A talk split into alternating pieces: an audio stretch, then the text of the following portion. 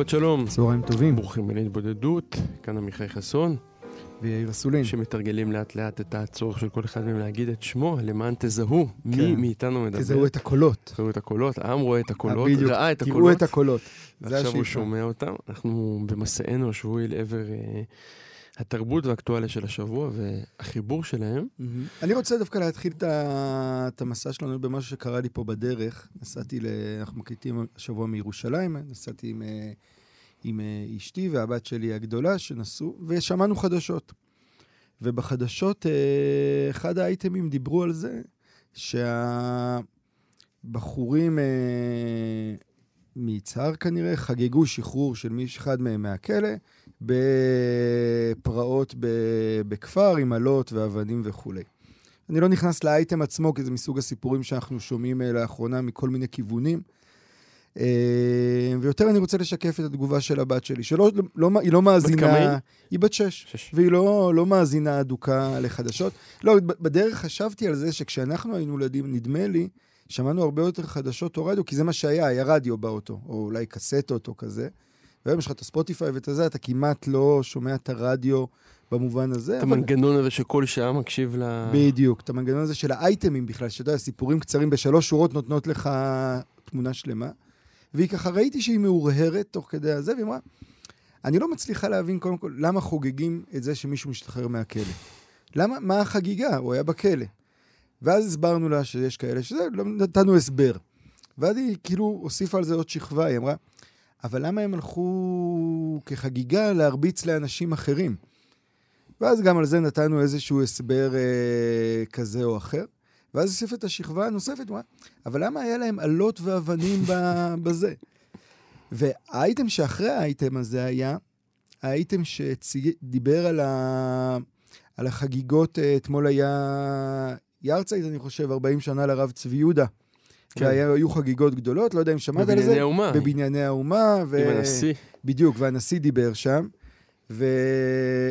הוא, הוא אמר, אני חושב דווקא זה היה נאום אה, יפה בעיניי, לא שמעתי את כולו, אבל הוא, הביא, רצה להביא שם את הצד הזה על הרב צבי יהודה, שהוא באמת אולי הצד הכי מובהק שלו והצד הכי מודחק שלו, וזה החשיבות שהייתה לו ל...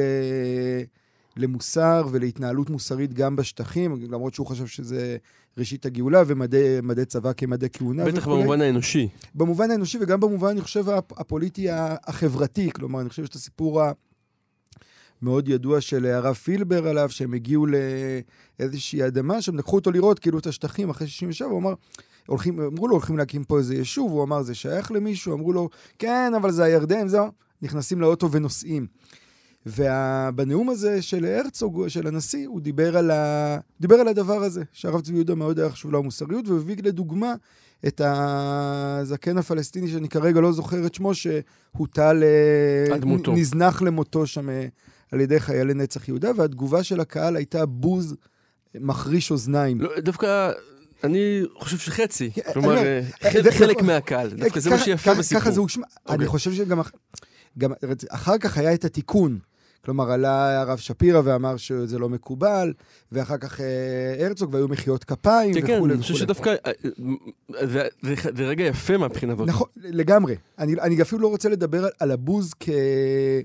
כאיזושהי אמירה על, על מה שהיה שם ועל החברה, אלא אפילו אני אגיד בסוגריים, אחיין שלי הופיע שם על הבמה, הוא תלמיד בישל"צ וזה, ואני לא חושב שהוא היה שורק בוז לדבר כזה, אלא לבוא להגיד, דרך העיניים של הבת שלי, זה בדיוק התחבר לאייטם הקודם. כלומר, הייתה איזו תחושה כזו, שאני חושב שזה גם מה שהתחולל שם, אגב, מלכתחילה, שברגע שהנשיא הרצוג הזכיר זקן פלסטיני, האינסטינקט היה לצעוק בוז. אחר כך היה את התיקון, והבינו בדיוק מה הוא אמר, ואיך זה מסתדר, ואיך זה נשמע, ואיך זה נקלט. אבל כאילו יש משהו בדבר הזה שאתה שומע בחדשות, דבר שהוא מטורף. שאנשים חוגגים שמישהו יצא מהכלא, על ידי זה שהם הולכים לפוצץ מכות. אה, יהודים, כן, שבשם אה, יהדותם עושים כל מיני פעולות וחוגגים שמישהו יצא מהכלא, הולכים לפוצץ מכות פלסטינים. וזה עובר, לי לפחות זה עבר כמו אייטם ברדיו, ולבת שלי, לילדה הזאת בת שש, פתאום זה היה נראה אבסורדי לחלוטין, בדיוק כמו שכשנשיא המדינה מדבר על זה שהמוסר היהודי לא מכיל לזרוק זקן אה, בצד הדרך, האינסטינקט היה לצעוק בוז. ומשהו בדבר הזה ככה התחבר לי וטלטל אותי קצת, הבוקר הזה.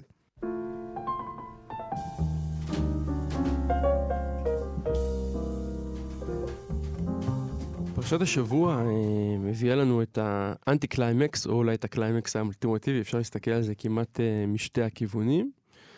זמן אה, מועט לאחר רגע התגלות השכינה, נגיד המפגש המהמם ביותר שיכול להיות עם האינסוף, עם אותו אלוהים מופשט שבא ורואה, אנחנו רואים את הקולות ומדברים בשמו, מגיעה הקריסה הטוטלית הזאת של חטא העגל.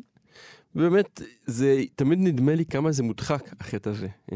בתוכנו. כלומר, ביחס למה שהיית מצפה לכמות המדרשים שאפשר היה לייצר עליו, והתורות זה כאילו מין, זה קיים, אף אחד לא מכחיש שהוא קיים, זה כמובן חלק מהסיפור, אבל הוא תמיד מקבל איזה צד... בוא נגיד, מינימליסטי יחסית לגודל הסצנה שקורית שם. גם תמיד עסוקים בו ב- בלפני והאחרי שלו, זה אף פעם לא הרגע עצמו. כן. כאילו שם... שבו אי אפשר לגעת כביכול. נכון, יש שם את משה, איך הוא מגיב לאלוהים, ו- ושבירת הלוחות, וניסיון לתקן, ובכלל מערכת יחסים ואהרון, אבל כאילו הדבר עצמו הוא מאוד מאוד, אה, אה, לא רוצה להגיד מוכחש, כי הוא לא מוכחש, זה לא אמירה נכונה להגיד שהוא מוכחש, אבל יש פה איזה סוג של דוחק. וככה, כשחזרתי לקרוא את הפסוקים, פתאום קפץ לי סצנה שמעניין אותי אם אתה גם זוכר אותה מנערותנו וילדותנו. יש שם את הרגע שבאמת אה, אה, אהרון מבקש מה, מהעם להביא לו את הזהב שלו, את הנזמים ואת התכשיטים, והעם, אה, בר... הפרשנים תמיד אומרים שמטרתו של אהרון הייתה להוכיח לעם שהזהב חשוב יותר מאשר הניסיונות שלהם לחפש איזה תחליף קונקרטי לאלוהים, אבל למרבה הפלא הם מביאים, ואז הוא מטיח מביאים אותם. מביאים בטירוף. מביאים בטירוף, והוא מטיח אותם, ו... ונוצר לו העגל. ונזכרתי שכשהיינו נערים, זה כבר היה די מזמן, אבל עדיין היה, זה היה אה, תור הזהב של המחזירי בתשובה סטייל אה, אמנון יצחק, mm-hmm. כאלה. ותמיד הסצנה, הקתרזיס הגדול של אה, כל סוף שיעור גדול של אמנון יצחק היה, אתה זוכר? היו. מגיעים כל האנשים עם העגילים, שזה הסמל לחילוניות אה, כן. מופקרת כזאת, ושרשראות וזה, והיו מביאים את זה לאמנון יצחק, הוא היה חותך להם את הקוקו. גזירת הקוקו, כן. גוזר להם את הקוקו, ומתחייבים שהם יסירו את הקעקועים, או לפחות יכסו את הקעקועים, שאף אחד לא יזכה לראות את ה... באמת אה, אה, עבירה חמורה מבחינה דתית לעשות קעקוע. אמ, לא פחות מעבירות אה, אחרות שעליהן קמים אה, זעקות גדולות ומרות. Mm-hmm. וזה היה מין רגע כזה שבו באמת הוא, הוא הביא להם את התכשיטים, ממש מסוג של עגל זהב כזה, כלומר, הביאו לו את התכשיטים, הוא החליף את זה בזה שהוא נתן להם ציצית, היה כאילו מין זה כנגד זה, זאת אומרת, הבאת לי את ה... את, ה, את הזהב שלך כמו בעגל הזהב. הבאת את החטא ותקבל את המצווה. ותקבל העגל, לא, זהו, עכשיו, זה, ואז כאילו העגל החלופי דווקא היה פה כאילו הכיפה והציצית, mm-hmm. וסידור היה נותן להם המון פעמים. ואני לא יודע כמה אתה עוקב היום אחרי מחזירים בתשובה צעירים, אני מאוד עוקב, ופטיש שאין לי, כן. אין לי שליטה עליו. אבל... אגב, ו... זו, זו סצנה בהיקפים, היא עדיין באותו גודל? היא הרבה יותר מעניינת, ופה ההבדל. היא, היא עצומה אגב. Okay. אוקיי. עצומה, אני חושב שאגב, גם בה יש, יש אנשים שהם באמת דמויות קיקיוניות כאלה, כמו האחים אה, שלוב, שהם מין טיפוסים לא ברורים, אבל יש אה, אדם מאוד סימפטי ומתוק שנקרא שניר גואטה, שפעם היה שחקן כדורגל בביתר ירושלים, והיום הוא מחזיר המוני בתשובה. אוקיי. ודווקא איש נורא נעים ומקסים. אה, לפחות זו הדמות שיוצאת מהמסך. שוב, אני לא, לא, לא, לא זכיתי ללכת לשיעור. אבל כשאני כן רואה את כל הדברים האלה, הסצנה הזאת חסרה. ולא רק שהסצנה הזאת חסרה, אלא... איזה סצנה חסרה? סצנת אה, הבו לי את אה, זהבכם. אה, אוקיי, אוקיי. לא רק שהסצנה הזאת אה, חסרה, אלא ההפך. כלומר, אנשים מגיעים לשיעורים, לשיעורים מצולמים, אז אתה יכול לראות מי הקהל שמגיע, עם, ה... עם הקוקו, למרות שזה לא כזה באופנה כבר, אבל עם העגילים, אה, עגילי יהלומים מאוד יקרים, אה, ועם התכשיטים, ועם הקעקועים שלא מנסים להסתיר אותם, אלא mm-hmm. בפנים. ואין שום ניסיון אה, להגיד להם בואו תחליפו, בואו תמירו רגע את אה, אורח החיים שלכם באורח החיים האחר. וחשבתי המון על הטרנספורמציה הזאת, על הרגע שבו במובן מסוים התנועה הזאת של החזרה בתשובה שמיועדת, צריך להגיד, בעיקר ל... ל יש לה ממדים, אה, בוא נגיד מאפיינים פריפריאליים מאוד חזקים, אני אגיד את זה ככה. מה הרגע שהיא ויתרה, שהיא הבינה שזה לא יעבוד לבקש מאנשים להוריד את הגילים ואת הקעקועים ולייצר להם איזה עגל. זאת אומרת, האתוס שעכשיו הולך בתוך עולם החזרה, החזרה בתשובה, שהוא לא בדיוק חזרה בתשובה גם, ואולי פה הנקודה, כן. הוא פשוט בואו כמו שאתם. Mm-hmm. בסך הכל תקבלו עליכם איזושהי התחזקות כזאת או אחרת. ואני חושב שכשמסתכלים נגיד על הפרשה, מבינים שהאסטרטגיה הזאת היא אסטרטגיה הרבה יותר חכמה. יש לה כל מיני תופעות אחרות שאפשר uh, לדון בהן, ובפרוטסטנטיות שנוצרת uh, uh, בגישה הזאת, שבעצם מבטלת את רוב הדברים ואומרת, העיקר שבלב תהיה איתנו. כן. תקרא את האלוהים האישי שלך שמאפשר לך לעשות הכל, לאכול שרימפס ביום כיפור ועדיין uh, להיחשב כחלק מהקהילה המסורתית וכולי. אבל uh, אני חושב שכאסטרטגיה uh, פסיכולוגית, כמו שהיא מופיעה בתורה, בפרשה הזאת, כשאנחנו רואים את ההפך, היא הרבה יותר הגיונית. כי היא אומרת, השינוי הזה, השינוי הדרסטי, הבלתי אפשרי הזה של מ-0 ל-100 שמציע מעמד הר סיני, בהכרח יוביל לחטא העגל. זה מעניין, כאילו כשאתה, כשאתה מדבר, אני חושב על זה שה...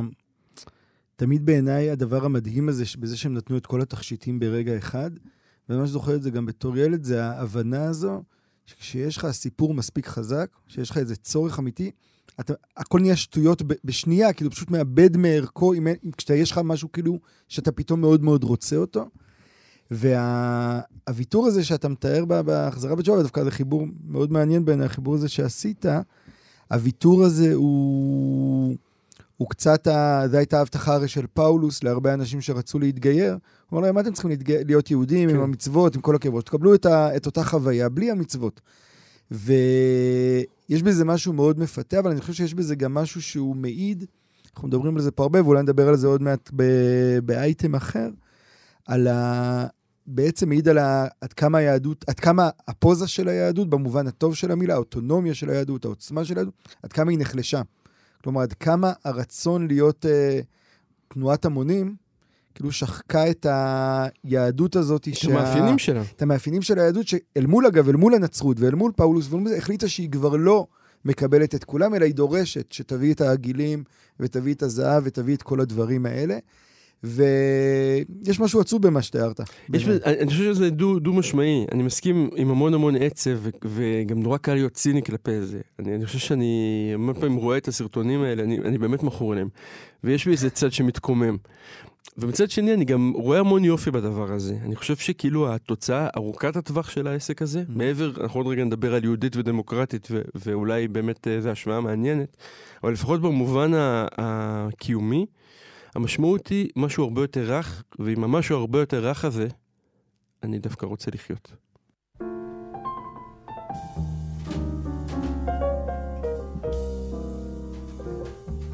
לי היה גיל, גילוי מעניין אה, בשבוע שעבר, אה, שאני לא ידעתי אותו לפחות. מתי לדעתך הומצא הביטוי הזה, יהודית ודמוקרטית? שאנחנו מדברים עליו היום כאיזה משהו שניתן. ממעמד הר סיני, כן. כמובן, משה כן. ירד והדיבר 11, כן.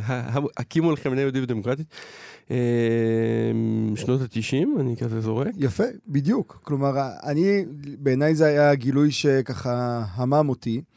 אה, המושג הזה, יהודית ודמוקרטית, נמצא לראשונה בתוך, אה, בדברי ימי המדינה או whatever, בהסכמים הקואליציוניים של 1992, של ממשלת רבין. אה, אז לא טעיתי אפילו. לא, לא, יפה, אני טועה. למה, למה זה, איך, למה שמה?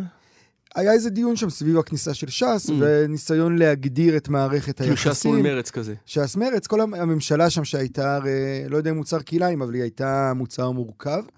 ואז נכנס המושג הזה של יהודית ודמוקרטית, שגיליתי את זה כי במקרה, אתה יודע, מסוג הספרים האלה שמתחבאים בספרייה ואיכשהו אתה שולף אותם אה, רגע לפני שאתה הולך לבית כנסת, אז היה לי איזה ספר על יהודית ודמוקרטית של המכון הישראלי לדמוקרטיה, שהיה שיחות, אגב מרתקות, שיחות עם הרב ליכטנשטיין ועם uh, גרשון שקד וכאלה, כל מיני דמויות. על המושג? על המושג יהודית ודמוקרטית, וואלה. וכל אחד איך הוא תופס אותו וכולי. באמת, ספר uh, מרתק. Uh... מה שנפלא במושג יהודית ודמוקרטית, שאפשר להבין אותו הפוך לחלוטין, מכל כיוון. אפשר להבין אותו הפוך לחלוטין, וגם אפשר להבין שהוא לא אומר כלום, בגלל שאפשר להבין אותו הפוך כן, כן. לחלוטין. הוא לא מכיל בתוכו כמעט שום דבר. אבל שם זה פתאום חידד לי את ה... קודם כל, עד כמה הדיון הזה בכלל, על המתח בין יהודית לדמוקרטית הוא, יחס, הוא דיון חדש. אה, שאין לו מאחוריו היסטוריה, ולי זה הסביר הרבה דברים, כי הרבה פעמים בתוך הדיון הזה אתה מרגיש שאתה קצת קופץ לתוך בריכה ריקה. אתה מבין שאין מאחורי זה טקסטים, רעיונות, באמת תפיסות עמוקות של מחשבה ארוכת שנים, אלא איזה אינסטנט של משהו. זה, זה copywriting. כאילו, בדיוק, כאילו, זה קופ... זה, אבל כן. זה copywriting כשאתה מנסה, שמתייחסים אליו כפילוסופיה. ואז כשאתה מנסה, כאילו, אתה חופר מתחת, אתה רואה שאין כלום, ואתה נשאר אה, בכלום הזה. אבל זה גם התחדד לי, ל... וכנראה גם בגלל זה שלפתי את הספר הזה מהספרייה באמת בדרך לבית כנסת. ב... בהרבה שיחות שיש לי לאחרונה ומחשבות סביב המושג הזה של היהודית ודמוקרטית, שמתחבר לכל הרפורמות האלה שעכשיו שר אה, הדתות מקדם. אה, גם בכשרות וגם אה, בגיור ו... ועוד היד נטויה. ועוד היד נטויה, ובעיקר במעמד הרבנות בסופו של דבר. זה תמיד מקרין, ואנחנו רואים גם את התגובת נגד הכמעט פבלובית של הרבנות. אפילו מעבר לתגובת נגד, זה ממש זעקות שבר, כאילו אה, העולם כולו הולך לקרוס. כן. זה, זה, זה הפבלוביות שבתגובה הזו, שהיא כאילו, אתה מבין, מרוב העוצמה של הזעקות, אתה מבין שהיא לא קשורה ל- כן, כן, למכות. לא קשור לחלוטין למה שקורה. אה, ואני, אנחנו מדברים על זה פה הרבה, וכן, רציתי להגיד את זה גם בהקשר הזה, שבעיניי יש איזושהי, יש הרבה אנשים עכשיו שמחים ממה ששר הדתות עושה, וזה כאילו רפורמות והולכים להיות שינוי והמון המון המון הבטחות גדולות. בעיניי צריך להכיר בזה, ו... וזה, בעיניי זה כאילו המפתח, צריך להכיר בזה ששום רפורמה לא תשנה את הדבר הבסיסי ביותר שקיים כרגע בסיפור הישראלי כמו שהוא עכשיו, וזה שהמדינה שולטת בדת. וזה שהמדינה משתמשת בדת לכל מיני צרכים ואינטרסים, וכרגע פוליטיקאי מסוים יכול לעשות רפורמות מסוימות, ופוליטיקאי אחר יעשה רפורמות אחרות. יבטל אותם גם אה, כן. בכנסת הבאה, זאת אומרת, יבטל דרך אותם, העולם. ברור. כיוון שהם לא חקוקים, דווקא מתוך זה שהם לא חקוקים בתוך איזה אתוס. בהחלט, ואני אומר, ויש משהו בהתרפסות הזו, או בביטול הזה, של היהודים כלפי הדמוקרטים, או של, היהד, של הדת כלפי המדינה, שה... שבמוב... אני אומר את זה בזהירות, אבל יש משהו ברפורמות האלה, שהוא רק מסך עשן שעושה רק יותר גרוע. כלומר, הוא מטשטש את ההבנה הבסיסית הזו שהשנים האחרונות המחישו מאוד מאוד חזק, שזה הניצול הציני, הבילט אין בעיניי. זה פשוט בילט אין בתוך ה... הרעיון הציוני, כן? שהציונות משתמשת בדת כדי להגשים שאיפות לאומיות אחרות. זה פשוט, מה שהבנו בשנים האחרונות זה את השימוש הציני הזה, וזה קצת איזה מסך עשן שכאילו אומר, לא, אפשר לייצר יהודית ודמוקרטית, אפשר להשתמש ב copywriting הזה, ה copywriting הזה הוא אמיתי. צריך, צריך לעשות פה רק, רק, אה, אני מסכים בגדול, אני חושב שיש פה כוכבית מאוד, מאוד חשובה. שמה שאתה אומר יכול להגיד כאילו אין צורך בדברים שנעשים עכשיו, ויש אנשים קונקרטיים עם בעיות קונקרטיות, שסוגיית פתרון הגיור היא מהותית, ב- מהותית לחיים הכי פשוטים בשביל, מסכים. האפשרות שלהם לגור פה. ומסך עשן הוא לא מסך עשן, וחשוב לי להגיד את זה, כי המון פעמים הדיונים שלנו בורחים לעולם שהוא נכון. אה, אה, הוא באמת יותר נכון, אבל בחוויה של, של משתמש הקצה, מה שנקרא, של האדם שקם בבוקר, השינויים האלה מאוד מאוד חשובים ובעיניי גם מבורכים. זה נכון שבתמונת הלונג שוט הם בסך הכל פלסטר על אה, אה, לא פצע... אבל- אז אה, אני- אז אני אומר, יש משהו, ב- לפעמים כשיש לך איזה פצע רציני, ואתה שם פלסטר, יכול להיות שהוא יעשה רק יותר גרוע. כלומר, אני לא, אני לא, אני מאה אחוז מקבל את מה שאתה אומר.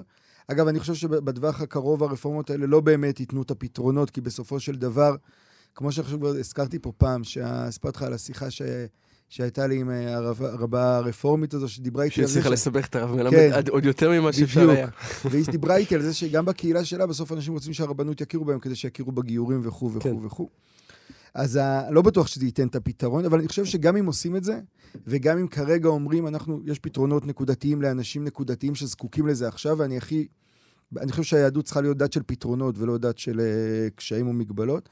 אני חושב שמי שאוהב את היהדות ומחובר אליה, ורוצה לראות את השינויים האלה, ויש המון גופים שפעילים בזה עכשיו, בהקשר של גיור והשגחה פרטית וכו' וכו' וכו', חייבים להכיר בזה שהמחיר של ההתלהבות מהמחווה שהמדינה עושה לדת כרגע, יהיה הרבה יותר גבוה מהמחווה עצמה.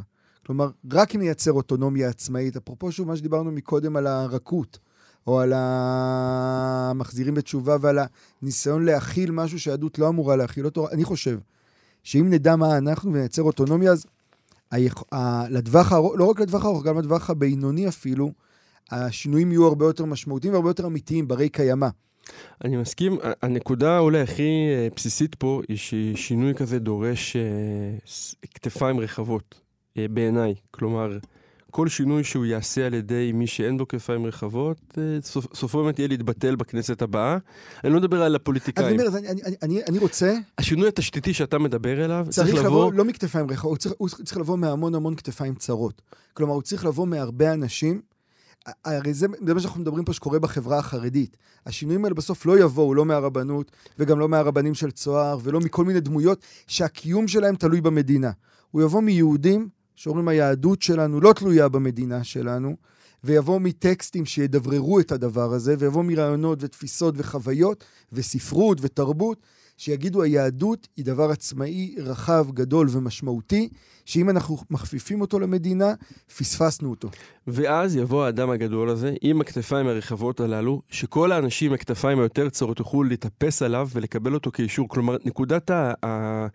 ההזדקקות הזאת, אגב, הגילי זהב, והצורך להגיד אלה אלוהיך ישראל, היא קריטית בעיניי להבנה של הפסיכולוגיה של הדבר הזה. כלומר, אתה צודק, כל האנשים האלה, זה שינוי שיתחיל מלמטה, הם יזדקקו בסופו של דבר לנושא דגל. אני חושב שלא בכדי מישהו שקצת מנסה להגיד כרגע שהוא נושא הדגל, שזהו הדמות המותקפת ביותר אה, בעולם הדתי היום, הוא לא אומר את זה כמובן בצורה מפורשת, אבל אפשר להבין המון המון מהמהלכים שלו, הרב מלמד, אפשר להבין המון המון מהמהלכים שלו כמהלכים כאלה, שמנסים בסופו של דבר להפריט את המקום הזה. אגב, גם לצד השני, הסכסוך שלו עם אה, סכסוך. הפצצה שלו עם אהוד ברק ב-2009 הייתה בדיוק על הנקודות האלה, על השאלה של למי יש את האוטונומיה. ו... מי הריבון. מי הריבון, והוא דווקא קיבל בעיניי החלטה אמיצה, עזוב את דעתי העקרונית על הדבר הזה, שאומרת, אני הריבון. היהדות היא הריבון. היהדות היא הריבון. ושוב, בגלל זה הוא כל כך מאיים בעיניי על, על המיינסטרים הדתי אה, החרד"לי. הוא חושף אותו בערוותו עם כל צעד. וטוב, אנחנו... אגב, די... זה, אגב, זה מרתק, מרתק, בדיוק חשבתי על זה שבועיים בהקשר הזה של הרב מלמד. שאתם פעם, ב... פעם דיברנו על ה...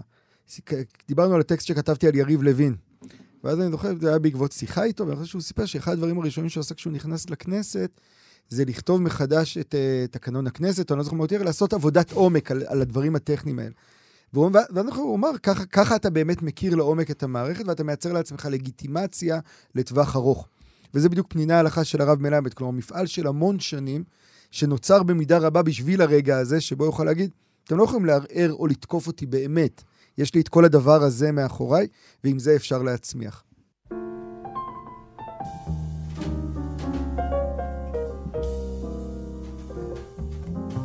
טוב, אז אה, השבוע, או בסוף שבוע שעבר, התרחש יום הולדת ליום הולדת 91 לאחד הסופרים אה, הכי חשובים, אה, שכבר לא חיים, אחד הסופרים הכי חשובים במאה ה-20. אה, סופר שעבורי הוא בעיניי באמת אחת ההשראות אה, הכי גדולות, נוכח בספרים שלי, במה שאני עושה. אה, ואני מדבר על הסופר האוסטרי תומאס ברנהרד, שסופר, מחזאי, משורר, הוגה בהרבה מובנים, ובעיקר מסמל של איזשהו קול או איזושהי תפיסה של ספרות ש... אחר כך הושפעו ממנה זוולד ומתיאס אנר, מי שמכיר, הסופר הצרפתי. אה, ואני רוצה לציין את זה, כי איכשהו בכל המסע שלנו לאורך השנים לא, לא התייחסנו מספיק, אני מרגיש, לתומאס ברנרד, או לפחות אני לא נתתי לו את המקום שהוא תופס בתוך המחשבה וה, וההתבוננות שלי, ואני רוצה, לכבוד היום הולדת הזה, שאגב התרחש ב-9 בפברואר, אני רוצה להקריא קטע מתוך אה, המרתף, שזה כרך אחד מתוך חמישה כרכים קצרים של אה, סוג של, לא סוג, של אוטוביוגרפיה שהוא כתב, אבל אוטוביוגרפיה בסגנון התומאס ברנרדי, כי גם כשהוא כותב אה, fiction, גם כשהוא כותב בדיון, הוא הרבה פעמים מערבב את הביוגרפי ואת האוטוביוגרפי ואת תומאס ברנהרד עצמו, באחד הרומנים שלו אפילו הגיבור שלו קורא רומן של תומאס ברנהרד, את עצמו בתוך הכתיבה.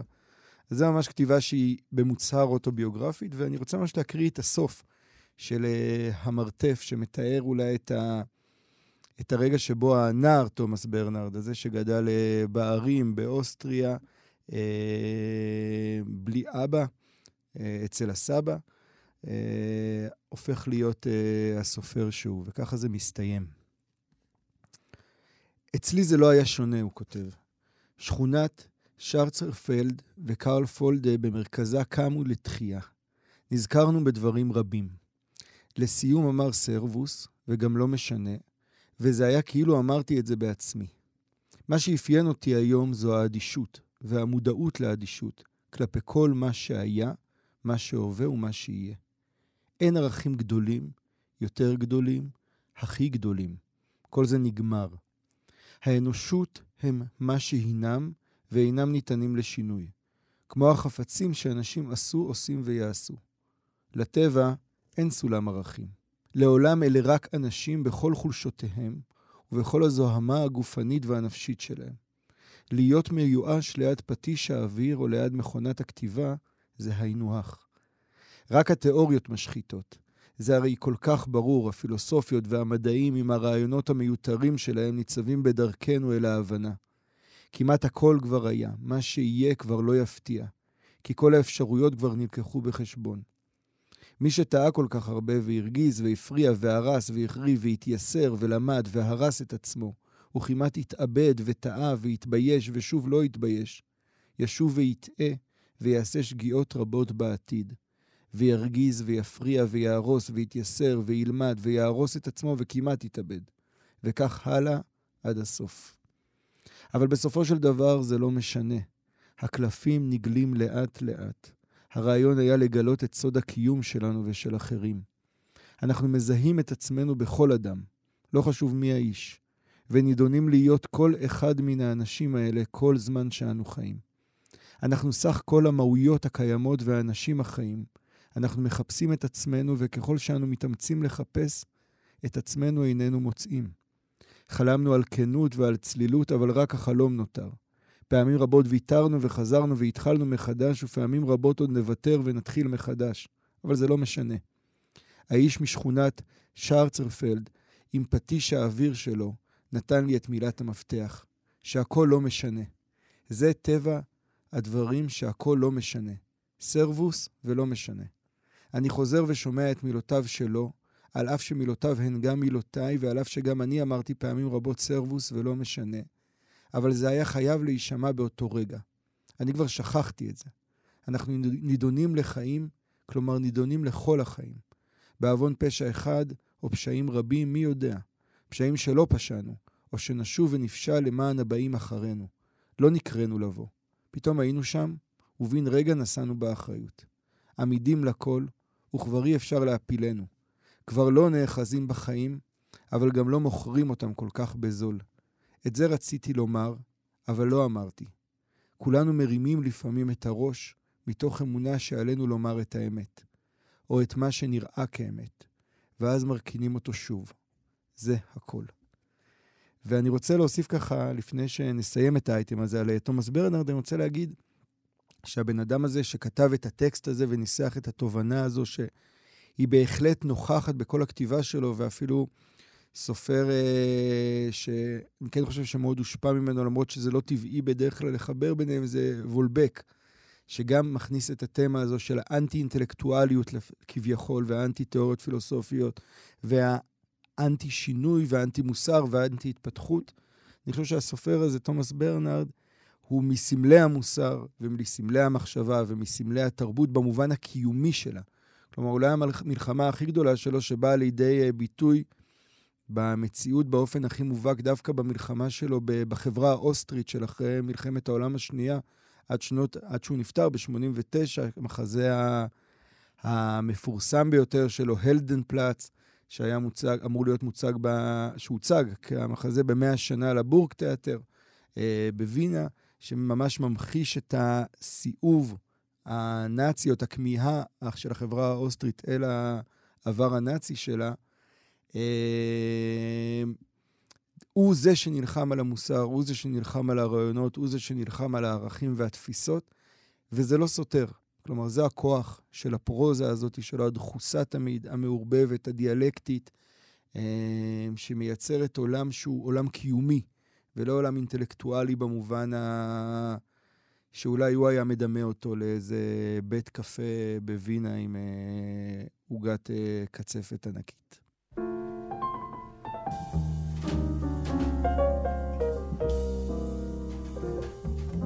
אנחנו לקראת סיום, אה, רצית לתת הערה, יאיר, על, על הפרשה המתגלגלת שמלווה אותנו בשבועות האחרונים. פרשת פגסוס והמשטרה.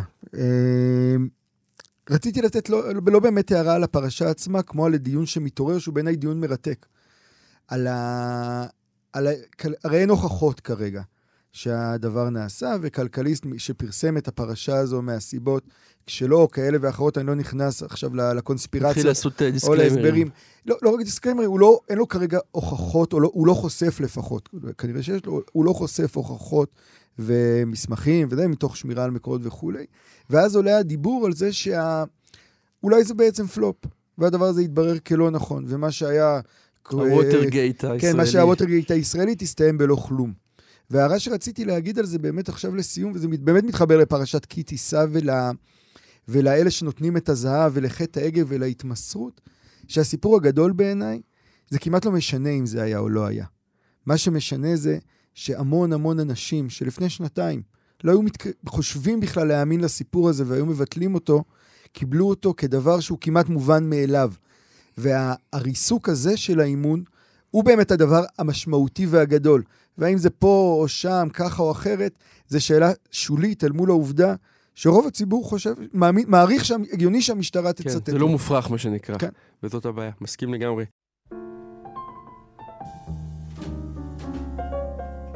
נודה לנדב אלפרין שערך והפיק, נגיד ששבוע שעבר, למי שהקשיב לנו ב live, אה, שודרה בטעות אה, במחצית הראשונה התוכנית הקודמת, אז אנחנו קוראים לכם להאזין לנו חוץ מב live, וכרגע אנחנו מנסים להקפיד על זה שהפודקאסט יעלה כבר ביום חמישי לספוטיפיי ולשאר הפלטפורמות, ותדרגו אותנו בכל, ה... בכל הפלטפורמות שאתם מאזינים, ותצטרפו למסע הזה שלנו. אז ככה אפשר להגיע לזה. תודה רבה. שבת שלום.